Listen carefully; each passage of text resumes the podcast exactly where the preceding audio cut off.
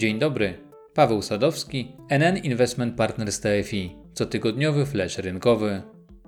W poniedziałek, 12 października, miał miejsce największy, przynajmniej z perspektywy ostatnich 10 lat, debiut na giełdzie papierów wartościowych w Warszawie.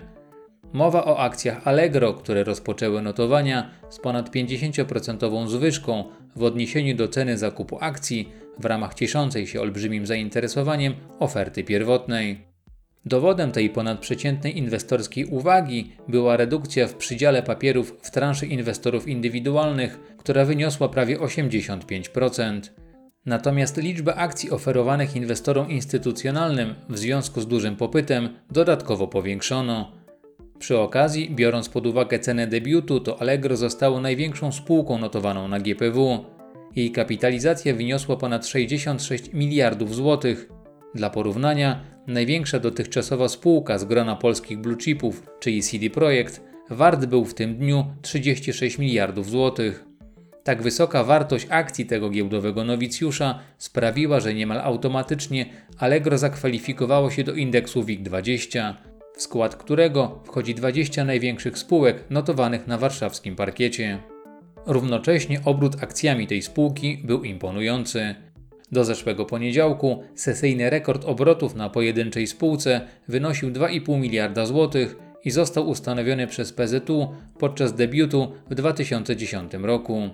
Obrót akcjami Allegro w pierwszym dniu notowań wyniósł prawie 4 miliardy złotych.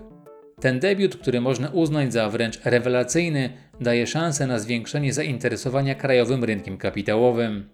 Mam tu na myśli zarówno większą przychylność dla warszawskiego parkietu ze strony inwestorów indywidualnych, jak i globalnego kapitału. Skala wzrostu ceny oraz wartość obrotów w dniu inauguracji notowań będzie pewnie jeszcze przez jakiś czas działała na wyobraźnię inwestorów. Niewykluczone, że może to również wpłynąć na stopniową zmianę preferencji klientów funduszy inwestycyjnych. Ich dotychczasowa sympatia skupiała się przede wszystkim w obrębie szeroko pojętych produktów dłużnych i niemal całkowicie pomijała rozwiązania z udziałem akcji. W tym momencie warto przypomnieć, o czym zresztą wielokrotnie wspominałem w poprzednich komentarzach, że to właśnie udziałowe papiery wartościowe są jednymi z nielicznych aktywów, które przy obecnym poziomie inflacji dają szansę na wygenerowanie dodatniej realnej stopy zwrotu z inwestycji. Według wstępnych szacunków to wrześniowa inflacja rok do roku w Polsce wyniosła 3,2%.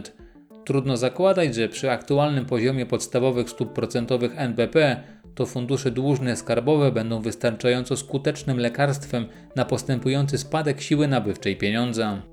Przechodząc od przewidywań w odniesieniu do możliwej stopniowej zmiany w strukturze napływu środków do produktów inwestycyjnych, to przyszedł teraz czas, aby skonfrontować się z rzeczywistością. Wrzesień był kolejnym udanym miesiącem dla branży funduszy inwestycyjnych.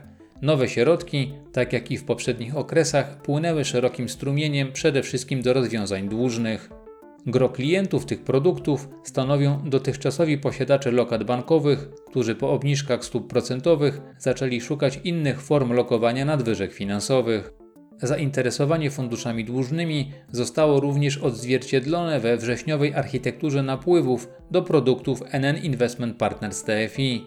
Sprzedaż koncentrowała się w obrębie naszych trzech flagowych produktów z tej kategorii. Na koniec warto jeszcze zwrócić uwagę na fakt, że z perspektywy tegorocznej oraz wrześniowej sprzedaży to coraz większym stopniowym zainteresowaniem wśród klientów oraz dystrybutorów naszych produktów inwestycyjnych zaczynają cieszyć się fundusze akcyjne, których polityka inwestycyjna opiera się m.in. na wykorzystaniu pozafinansowych kryteriów oceny spółek akumulowanych do portfela produktu. Mowa o analizie ESG. O dobrych wynikach tych produktów na tle indeksów giełdowych oraz grup porównawczych wspominałem w poprzednim komentarzu. Przypomnę tylko, że trzymanie się naszego procesu analityczno-inwestycyjnego pozwoliło nam uniknąć w tym roku inwestycji w wiele spółek, których wyceny z różnych powodów były pod presją.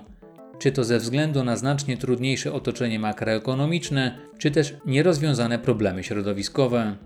Z drugiej strony, skupienie się na inwestycjach, które w długim terminie mają sens, zarówno ze strony ekonomicznej, jak i ESG, umożliwiło nam wyłapanie globalnych trendów, takich jak na przykład odnawialne źródła energii.